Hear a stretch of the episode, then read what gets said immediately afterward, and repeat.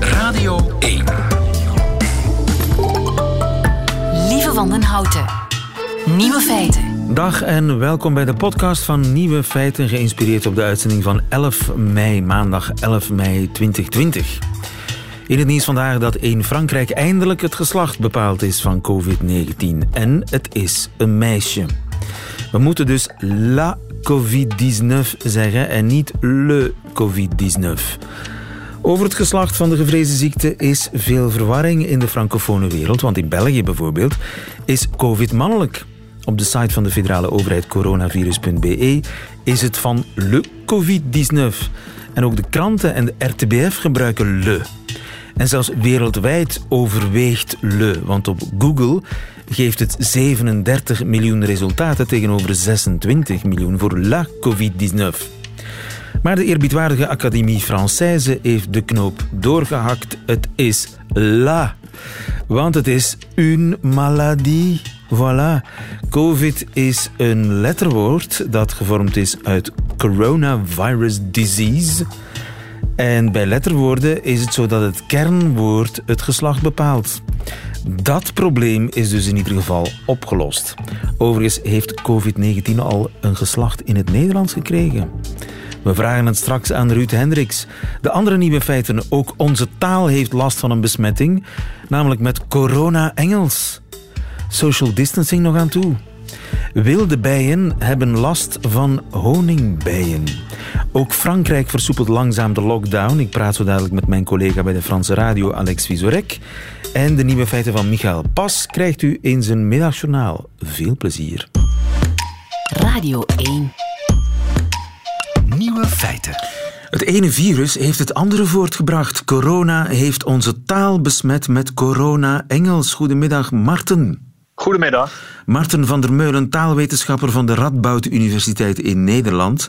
Ik heb overigens een hele boze mail gekregen van een luisteraar vorige vrijdag.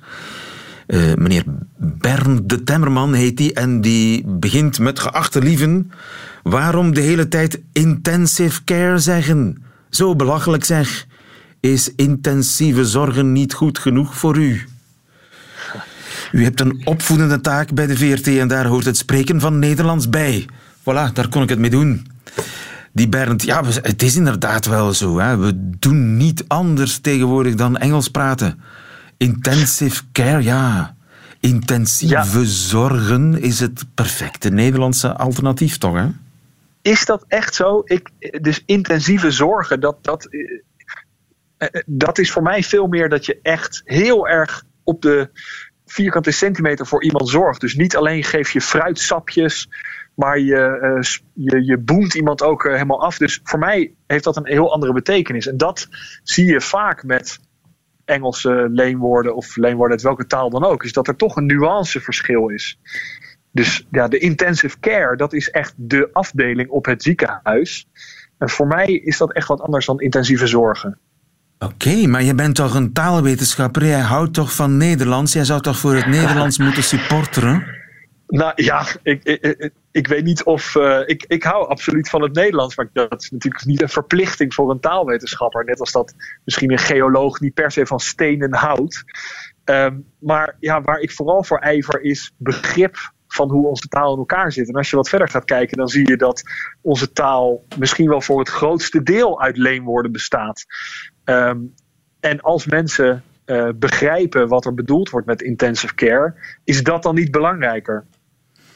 Het, het is ook een kwestie van lettergrepen. Hè? Intensive care, vier lettergrepen. Intensieve zorgen, zes lettergrepen. Langer, hè? Ja, ja, dat speelt zeker een rol. Maar wat dat betreft is het ook wel grappig dat we juist een, een schitterend oer-Nederlands woord nu hebben, namelijk de anderhalve meter samenleving. Juist. Dat, daar, is, daar is volgens mij niks aan geleend. Dat is een ontzettend lang en ontzettend onhandig woord. Um, en toch gebruiken we dat. Um, Want het en, zwingt. Ja, precies. En dat, dat is uiteindelijk ook iets waar mensen last vaak van hebben. Dat is met een mooi Engels woord een zogenaamde bias. Dus we letten heel erg op dat Engels. En er is een algemeen gevoel van dat Engels en uh, hoe erg dat allemaal wel niet is. Maar we krijgen ook juist hele mooie nieuwe Nederlandse woorden. En wat mij juist ook opvalt, in deze tijden van corona is eigenlijk hoeveel van die woorden uit het Frans, Latijn, Grieks komen. Dus immuniteit, pandemie, quarantaine, resistentie, isolatie. Dat zijn allemaal geen uh, Engelse woorden. Nee, maar die zijn inderdaad ooit wel eens geleend.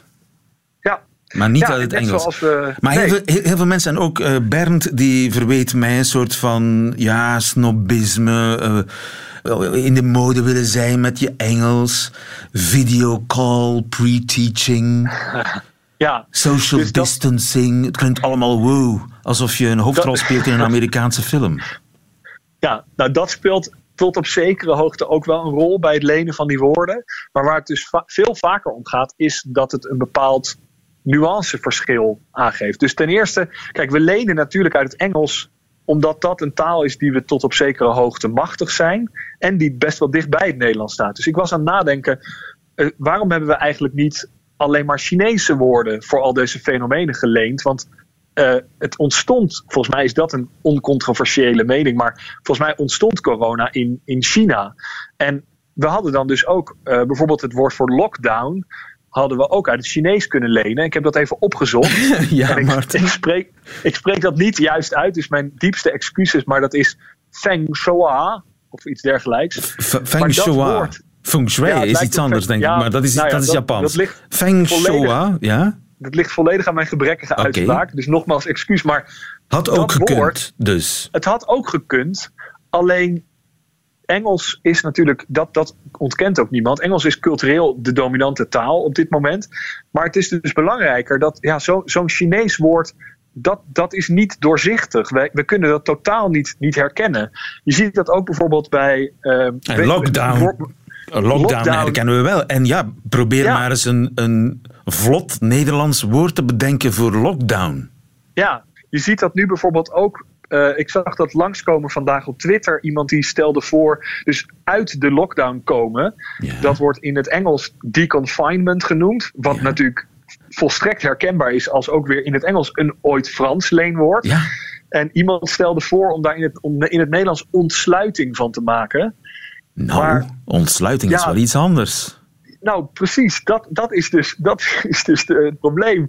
Veel van die woorden hebben al een bepaalde betekenis. Net als intensieve zorgen. Ja, een betekenis die ik daarbij ervaar is toch echt heel anders dan een afdeling op een ziekenhuis. Ja, intensieve Dus wat zorgen is iemand met alle zorgen omringen, fruitsapjes, koekjes. eh, Exact, ja. Voor In mij, de maar leggen. ja. Dat betekent dat voor jou. Ja, precies, Nu, ja. Maar stel nu dat we op zoek zouden gaan naar een Nederlands alternatief voor lockdown. Waar komen we dan uit? Vergrendeling? Ja, bijvoorbeeld. Maar ook daarbij. De, de- Thuisisolatie? Ja, dat, dat het zou allemaal kunnen. Maar de grap daarmee is dat juist die specifieke betekenis van lockdown heeft heel erg te maken met corona voor mensen. Dus eh, je kunt ook in quarantaine gaan of, of je thuis opsluiten om wat voor reden dan ook. Maar juist als mensen zeggen de lockdown, dan hangt daar die zweem van corona-omstandigheid omheen. En in die zin is dat woord dus ja, specifieker gesitueerd. En dat is eigenlijk toch best wel mooi en handig. Ja, lenen we meer dan vroeger? Eh, dat is een eh, goede vraag. Eh, we lenen meer uit het Engels dan vroeger. Maar we hebben vroeger eindeloos veel geleend uit het Frans, Latijn en Duits. En de leenwoorden die we uit die talen ooit hebben ontleend, ontstijgen qua aantal het Engels nog steeds. En waarom lenen we? Omdat we een klein taaltje zijn? Nee, alle talen lenen. Eh, we lenen omdat in een taal een concept courant wordt dat in onze taal nog niet eh, bestaat. We lenen omdat we ook nieuwe dingen willen. Dus net als, ik zeg altijd dat ta- taal is net een nieuwe iPhone. Je gebruikt ook een woord om te laten zien dat je erbij hoort. Ah, dus toch dat modieuze. Ja, dat speelt zeker wel een rol, maar lang niet bij alles. Ehm, en zo zijn er eindeloos veel andere redenen om te lenen. Ehm, maar het is echt van alle tijden en van alle talen. Ja. Je- Taalcontact zonder ontlening bestaat niet. Ik, ik volg je helemaal. Alleen denk ik, ja, social distancing vind ik vervelend. Omdat je kunt daar zo moeilijk een werkwoord van maken. Wat gaan we social distancen? Dat klinkt toch dwaas? Ja, ik vind dat niet per se erg. Wat trouwens, ik heb dat even opgezocht net. Dat is misschien wel grappig om te, om, om te realiseren. Dat zowel social als distance in het Engels uiteindelijk ook zijn ontleend aan Distance Frans en Latijn. sociale. ja, Precies, ja. Nee, maar dat- een soort geleend laat- Frans via het Engels Ja. naar ons. Dat, is, dat is, laat goed zien hoe dat, eh, ja, dat, dat, dat, dat zet de zaken wel in perspectief, vind ik. Dat ja, wat, wat vandaag in de ene taal is, is morgen in de andere taal en dan weer in de andere. En zo, ja, zo, zo, zo geven, zo besmetten talen in die zin elkaar wel. Iemand ja. suggereert anderhalve meteren voor social distancing. Dat vind ik wel goed Ja. klinken. Ik vind dat mooi. Ik vind anderhalf sowieso een schitterend woord. En ik ben ontzettend blij dat dat nu zo breed wordt benut. Dus we gaan anderhalve meteren. Dat klinkt toch al Precies. leuk? Dat klinkt zelfs gewoon leuker dan we gaan social distancen. Of aan social distancing doen. Ja, helemaal mee eens. Nou ja, jij als, als radiopresentator hebt een sterke eh, invloed op mensen. Dus als jij dat gaat gebruiken, dan is de kans groter dat het aanslaat. Ik doe mijn best. Maarten, Goed. dankjewel. Graag gedaan. Tot de volgende dag. Maarten van der Meulen van de Radboud Universiteit. Goedemiddag. Nieuwe feiten. Coucou de France. Met Alex Visorek. Zouden ze nog leven in Frankrijk? Hoe draait de wereld in eh, Parijs en zijstraten? Dat eh, horen we elke maandag van onze landgenoot en mijn collega bij eh, de Franse radio, Alex Visorek. Goedemiddag, Alex. Ik ben er. Goedemiddag, lieven. Ook in Frankrijk starten we vandaag met de versoepeling van de maatregels tegen het coronavirus. Eh, zo kunnen de Fransen nu verplaatsing doen van maximaal 100 kilometers. Maar vorige week was vooral een belangrijke week voor mensen uit de cultuurwereld. Eh, In Vlaanderen geeft men veel geld voor cultuur, maar hoe is het eh, in Frankrijk? Eh, Die sector eh, verkeert echt in een noodtoestand. Sinds het begin van de crisis is cultuur nooit aan bod gekomen in de maatregels. Velen hebben schrik, anderen zijn ook boos, zoals deze provocerende auteur Frédéric Becbédé. Le prix à payer est trop cher. C'est la fin de la culture, du cinéma, des concerts, du théâtre, du football, du rugby, des festivals, De la convivialité. des bars, des terrasses, des discothèques. Non mais attendez, euh, Oui, croyez pas que c'est un peu pour, pour une pneumonie Ja, de cultuurwereld volledig lam leggen, is dat niet een beetje een eh, hoge prijs voor een pneumonie? Zegt deze dat, schrijver. dat zegt deze. Hij is niet specialist eh, in virologie.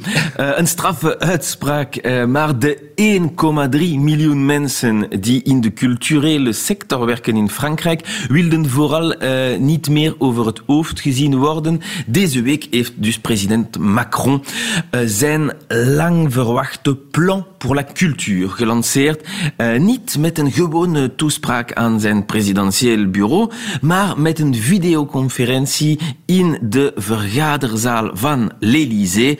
Dat gaf wel een speciale indruk. 100% film d'action, vous le voyez, en bras de chemise, le cheveu en bataille, Cafarnaum sur le bureau. Les internautes notent même qu'il a deux verres d'eau. Le président, hein, c'est vous dire la folie artistique du moment. Ja, twee glazen water zelfs eh, op het bureau. En voor de rest, ja, de president als ware hij een superheld in een actiefilm met opgerolde mouwen, haren in de wind. Dat is het eh très bien décrit, meneer Lieven.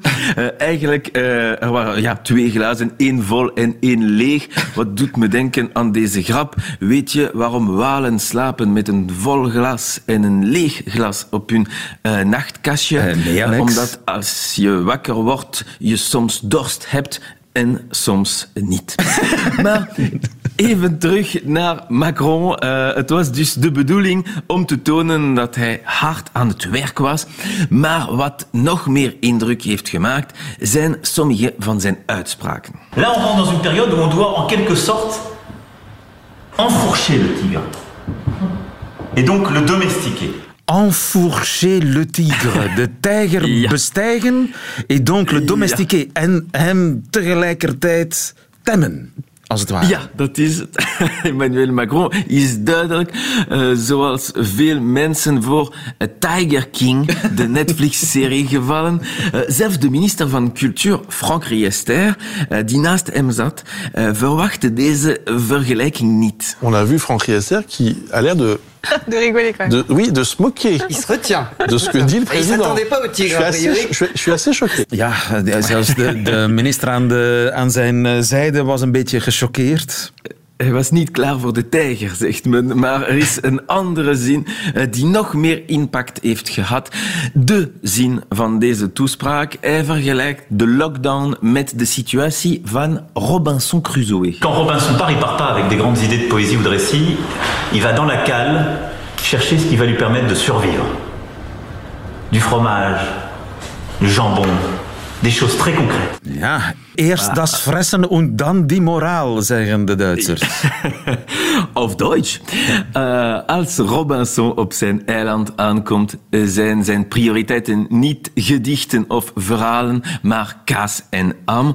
Altijd goed als je het over cultuur hebt, om wat culturele referentie toe te geven. Maar wat bedoelt hij daarmee? Robinson, quand le naufrage est là, il ne se prend pas les mains dans la tête en, en essayant de faire une grande théorie du naufrage. Il prend d'abord du jambon, du fromage, mais il a en lui cette capacité à réinventer une histoire unique. Ja, dus eh, eh, het blijft maar over ham en kaas gaan. Ja, dat is het. Eh, Laten we eerst pragmatisch zijn om dan omstandigheden te kunnen creëren waarin kunstenaars hun creativiteit zullen kunnen gebruiken. Maar het is niet dat de artistieke wereld hier heel blij mee was, hoor actrice Jeanne Balibar. Hier, des gens ont pleuré. Les gens ont pleuré pendant cette visioconférence et les gens ont pleuré toute l'après-midi après, les gens qui y étaient. Parce que devant le- l'exposition du travail de tous, hein, entendre parler de jambon et de fromage, hein, c'est très violent. Ja, beledigend. Ja. Al die kaas en hesp. Ja, maar waarover ging het nu echt, behalve over de ingrediënten van een smos? Het belangrijkste is zeker l'année blanche. Freelancers eh, die het eh, kunstenaarstatuut hebben, eh, zien hun rechten met één jaar verlengd. Het is wel de filmindustrie die eerst de beste hulp krijgt. Opnames moeten zo vlug mogelijk kunnen herstarten. En ook dan moeten de maatregels nageleefd worden, natuurlijk. Maar de wereld van de podiumkunsten blijft wel een beetje op haar honger zitten en vraagt zich af hoe de volgende maanden eruit zullen zien. Ça n'empêchera pas cet été d'avoir des formes de création avec parfois des publics réduits, ces captations, mais aussi des formes de, de- de- de- de création euh, en lien avec l'éducation. Et ça, je vais y revenir, c'est pour moi très important. Et moi, j'attends beaucoup de vous là-dessus. Ja, j'attends beaucoup de vous. Ik reken, reken. veel op jullie. Ja, Macron-style. Macron vraagt kunstenaars om eerst in scholen op te treden. Ik zelf moest mijn nieuwe show in Avignon voor het grootste toneelfestival van Frankrijk creëren. En nu zou ik dus in een derde kleuterklas moeten gaan. eh, en nog op een tijger. Goed idee. Eh, artiesten vrezen dus toch dat ze nog een tijdje op hun honger zullen blijven zitten, ondanks Macrons zijn kaas en am. Ik weet al wat ik ga nemen bij de lunch. Dankjewel, Alex Vizorek, voor deze bijdrage vanuit een, eh, ook eh, de lockdown versoepelend Frankrijk. Tot volgende week. Dat is het, ja.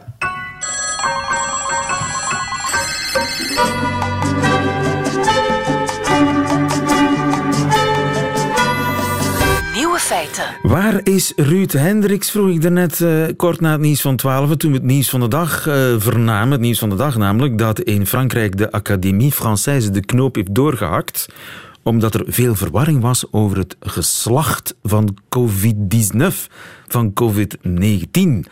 En daar is hij. Ruud Hendricks, goedemiddag. Dag lieve. Taaladviseur van de VRT. Het is la COVID-19. Mhm. En wat is het in het Nederlands?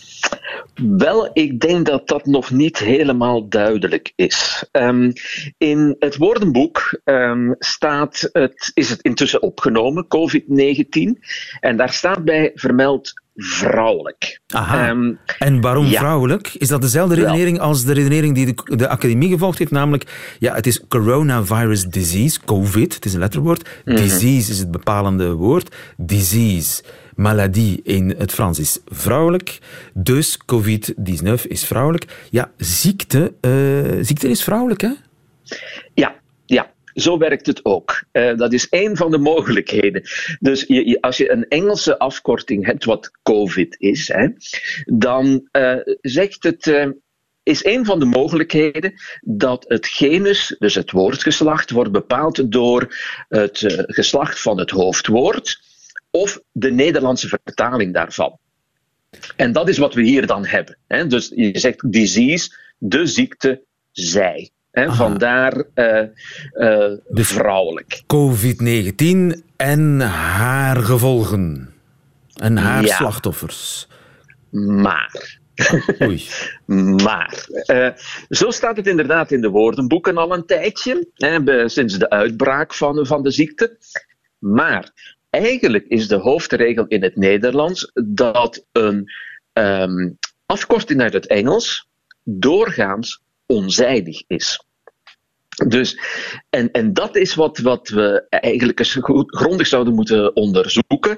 Eh, als je eh, COVID-19 hebt en daar staat een bijzin bij, hè, bijvoorbeeld, eh, en bijvoorbeeld de ziekte die vorig jaar is uitgebroken, dus die die, eh, als je die gebruikt, is het een de-woord. Als je dat gebruikt, is het onzijdig. Nu, ik ben dat heel snel eens gaan bekijken hoe dat zit en je vindt het allebei op dit moment. COVID-19 dat ons land in een diepe crisis heeft gestort. Juist, maar je, kunt, je leest evengoed COVID-19 die Trump eh, een Chinese ziekte noemt. Dus Eh, dezelfde verwarring als in Frankrijk. Hebben wij een académie Française eh, of dan een académie Néerlandaise of zoiets? Een, een instantie die hier de knop kan doorhakken en het geslacht definitief kan vastleggen? Wel, zo werkt het meestal niet in het Nederlands. Wij proberen toch wel na te gaan wat is de echte praktijk. En na een tijdje merk je wel dat die praktijk een, een soort consensus vindt. Eh, van is het die of dat? Eh, ik heb de indruk dat op dit moment dat aan het winnen is. Maar dus dat we, hè, dat we zeggen van het COVID-19 dat we nu al heel lang kennen, in plaats van de COVID-19 die we nu al een tijdje kennen. Dus het, het is nog niet helemaal. Het is hangende. helemaal Het hangt eigenlijk van Het ons allemaal af. Wat Ja. we ehm, allemaal zeggen, wat de journalisten zeggen, wat Martien Tange zegt, wat, wat ik zeg. Ja. Bijvoorbeeld. Dat is een, een heel zware verantwoordelijkheid. Ja, want ik, ik, heb, ik, heb op mijn, eh, ik ben op mijn vingers getikt door een luisteraar omdat ik intensive care zei. Ja. En toen hebben we met, met de Nederlandse Martin van der Meulen de taalonder die heel vaak over leenwoorden en Engels eh, heeft, heeft ge- gestudeerd en daar heel veel over heeft eh, gepubliceerd. Eh, die zegt, ja, maar intensive care, dat is, zo heet gewoon de afdeling. En intensieve zorgen, ja, dat, zijn, dat is desnoods iemand een sapje brengen of een kleedje brengen. of- maar, maar de Ja. altijd alerte Walter de Meijer heeft mij intussen gemaild en die zegt, de juiste uitdrukking is inten- intensieve zorg. Ja, Enkelvoud. Hoorden ook, ook eh, in het nieuws van 12 uur door Marieke van Kouwenbergen eh, gezegd. Dus dat is eigenlijk intensieve zorg. En daar is, dan zorg, minder verwarring over.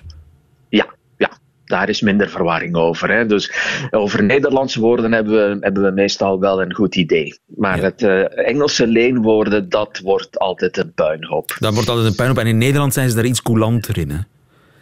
Ja, ja, dat klopt. Eh, wij hebben de laatste tijd heel wat reactie gekregen van mensen in verband met corona. Waarom zijn al die Engelse termen toch nodig? Eh, nu, daar is een verklaring voor. De verklaring is dat het een internationale eh, uitbraak is, een, een ziekte die waarbij natuurlijk heel wat informatie is verspreid door de Wereldgezondheidsorganisatie. Dat gebeurt in het Engels. Die, die, die termen die sijpelen dan binnen in het Nederlands. En voor je het weet zit je met social distancing en met een lockdown.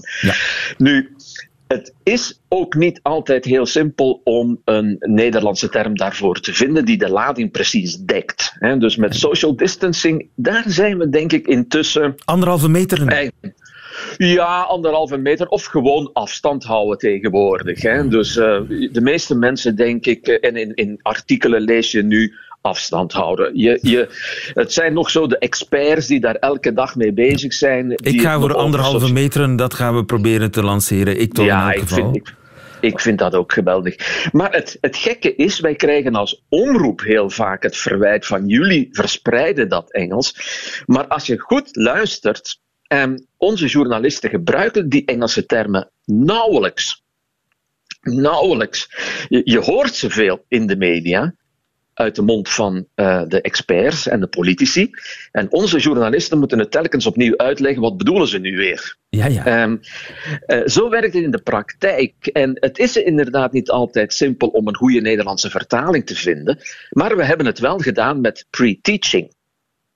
Wij hebben als omroep aanlooplessen, aanloopleren heel bewust gelanceerd. Aanlooplessen, prachtig. Ja, dat is eh, ooit eens in een mailtje geschreven door eh, Chris de Nijs, onze collega van het VRT-journaal. Hulde Hulde, inderdaad. aan Chris de Maar- Nijs.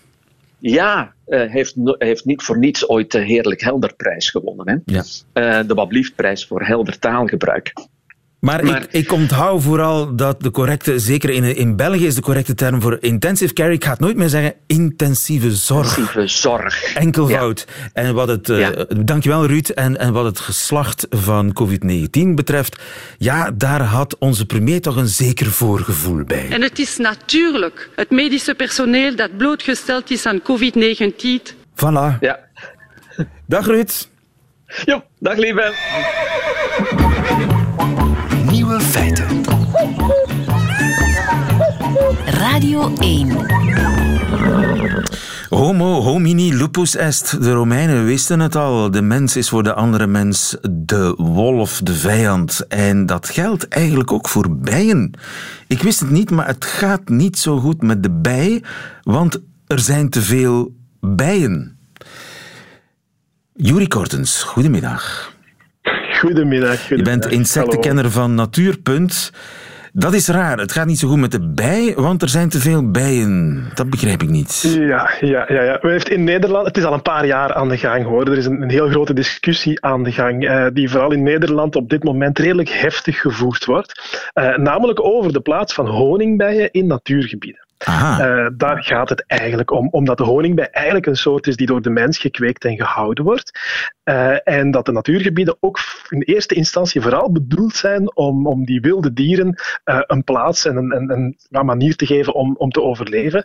En we hebben ongeveer iets van een 350-tal soorten wilde bijen, die ook allemaal hun plekje hebben. En wat blijkt nu? Dat in sommige gevallen dat daar een soort van competitie optreedt. En zeker als men bijvoorbeeld heel veel, wild, eh, heel veel honingbijvolkeren in een bepaald gebied plaatst voor een bepaalde korte periode, dan is het daar eventjes over de koppen lopen en, eh, en dan is het daar problematisch voor die eh, wilde bijen. Aha, dus ik dacht altijd een bij is een bij, maar er is kennelijk heel veel verschil tussen een wilde bij en een honingbij. Want die honingbij die is eigenlijk gekweekt door een imker. En er zijn meer en meer imkers. Hè. Het wordt alsmaar populairder om, om eh, bijen te kweken.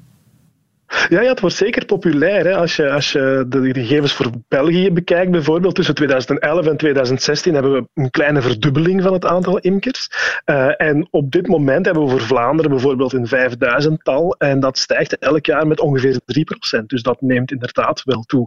Eh, nu moet ik ook wel zeggen dat er een beetje een verandering is. Er is een beetje een verandering wel van het aantal imkers die ook veel kleinschaliger gaan werken. En die zeggen, ja kijk, wij gaan één of twee of drie volkeren houden. We, blijven die ook, we zetten die ook op onze plaats in onze tuin, eh, waardoor dat die eigenlijk ook gereguleerd worden door de omgeving. Eh, wat er daar van aanbod is aan, aan bloeiende planten, dat is het eigenlijk. Maar als je bijvoorbeeld zegt van ja, nu ga ik even met mijn bijen naar het fruit, want daar is heel veel te rapen, en dan ga ik naar daar, en dan ga ik naar daar. Op een gegeven moment krijg je eigenlijk veel te veel of onnatuurlijk grote aantallen op die bepaalde momenten. En dat is nu net het probleem, dat je soms eh, een overrompeling krijgt in bepaalde momenten van heel veel bijen die samenkomen. Ja, en dan mogen de wilde bijen op hun kin kloppen, als het ware, want die zijn in de minderheid. Eh, op hun kin kloppen, wat komt er eigenlijk op? Ja, Ja, ja, ja, ze zijn sowieso in de minderheid. En het grote verschil is ook dat, dat honingbijen die, uh, die leven in grote kolonies met enkele tienduizenden per volk. Dus als je één volk hebt, heb je ongeveer iets van een 50.000 van, die, uh,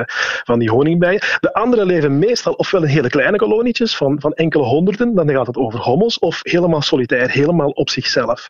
Um, en het is niet dat er meteen zo'n concurrentie is van opzij, opzij, opzij, maar gewoon het feit dat uh, honingbijen heel veel van de nectar en het stuifmeel uit het landschap halen op het moment dat die anderen dat ook nodig hebben. Ja. En zo ontstaat er een soort van concurrentie. Ja. Nu, dat is heel moeilijk te kwantificeren, want je kan geen stuifmeelkorreltje stellen en dit en dat. Men heeft dus een aantal studies wereldwijd, het zijn er niet zo heel veel, die rechtstreeks verband aantonen tussen het voortplantingssucces van wilde bijen als er honingbijen zijn of niet. En dan zien we dat dat voortplantingssucces in, in zes van de zeven studies, dat men daar een achteruitgang vaststelt. Ja, maar dat die honingbijen de wilde bijen verdringen, hoe erg is dat? Ik neem aan voor een natuurliefhebber en die graag de diversiteit ziet en al die beestjes, is dat heel erg. Maar ecologisch gezien, voor het ecosysteem, voor de bestuiving en zo, wat maakt het uit? Uh, eigenlijk wel heel veel. Het, het, is eigenlijk uh, je, je, je, eieren in één mand leggen.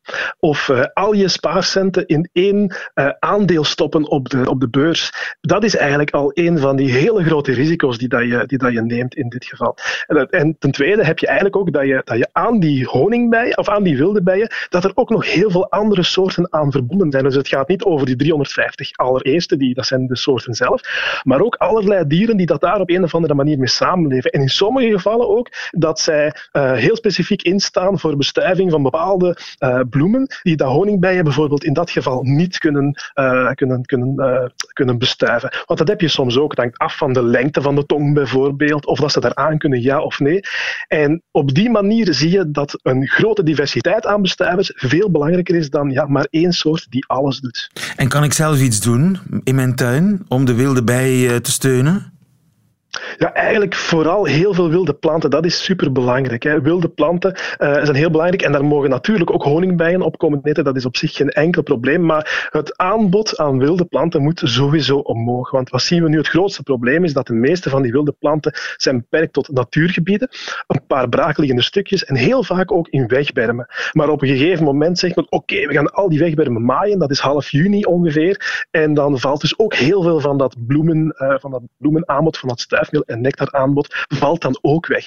En in je tuin kan je daar ook voor zorgen dat je dat wel een boost geeft door vooral te werken met allerlei uh, wilde planten die in de natuur voorkomen. En dan ga je zien dat je daar ook een, een veel groter aanbod aan, uh, aan bijtjes en andere bestuivers gaat tegen. Ja, en als imker, wat kan ik als imker doen?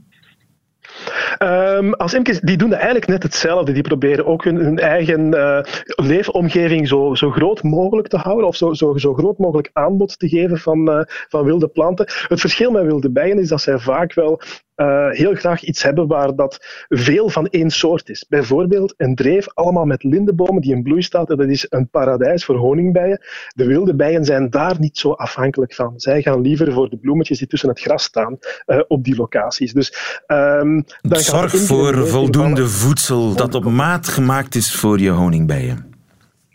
Ja, absoluut, absoluut. En ik denk ook vooral, uh, hou, het, hou het gerust wat kleinschaliger. Het hoeft niet al te groot te zijn. Als je met tientallen volkeren gaat werken, dan, dan kom je eigenlijk sowieso in de problemen, omdat die niet allemaal op die ene locatie rondom je huis kunnen uh, fourageren, zonder andere soorten in gevaar Ja, minder is meer. Dat geldt ook voor de imker. Jurie Kortens, helemaal duidelijk. Dankjewel. Goedemiddag.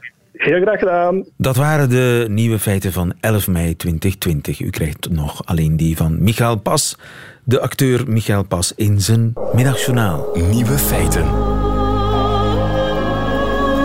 Middagjournaal. Lieve luisteraar. Nu we wat meer thuis zijn, kunnen we onze partner wat beter observeren.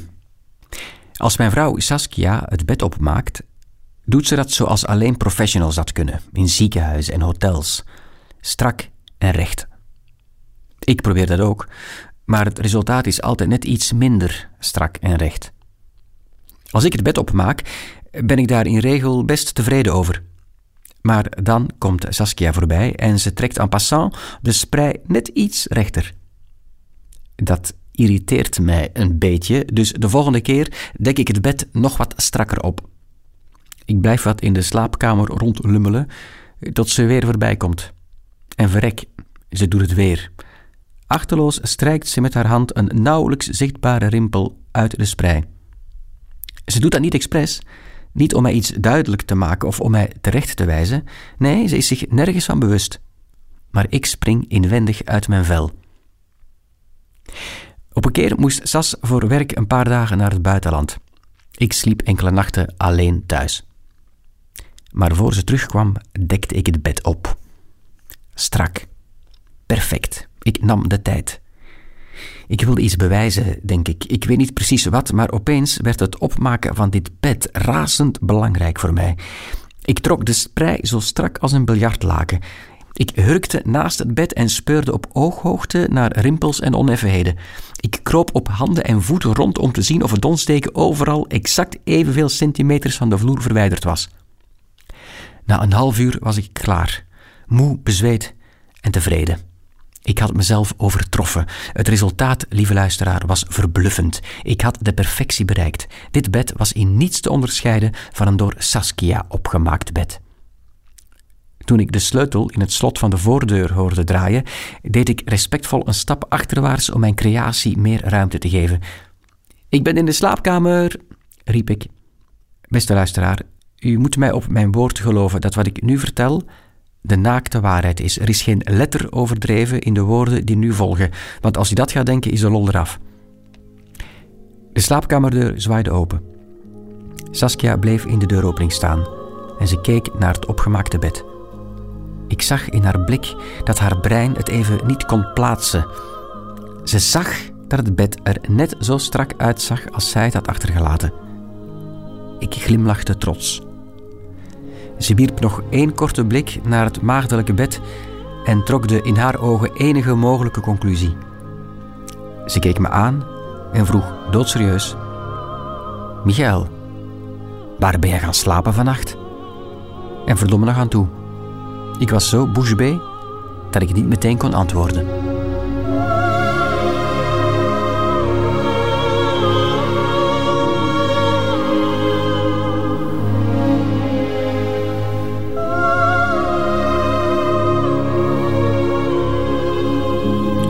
Lockdown-drama ten huize Michael Pas. Einde van deze podcast. Doet u liever de volledige uitzending met de muziek erbij. Dat kan natuurlijk ook, maar dan gaat u best naar onze site of naar onze app, waar nog veel meer mooie podcasts staan. Tot een volgende keer.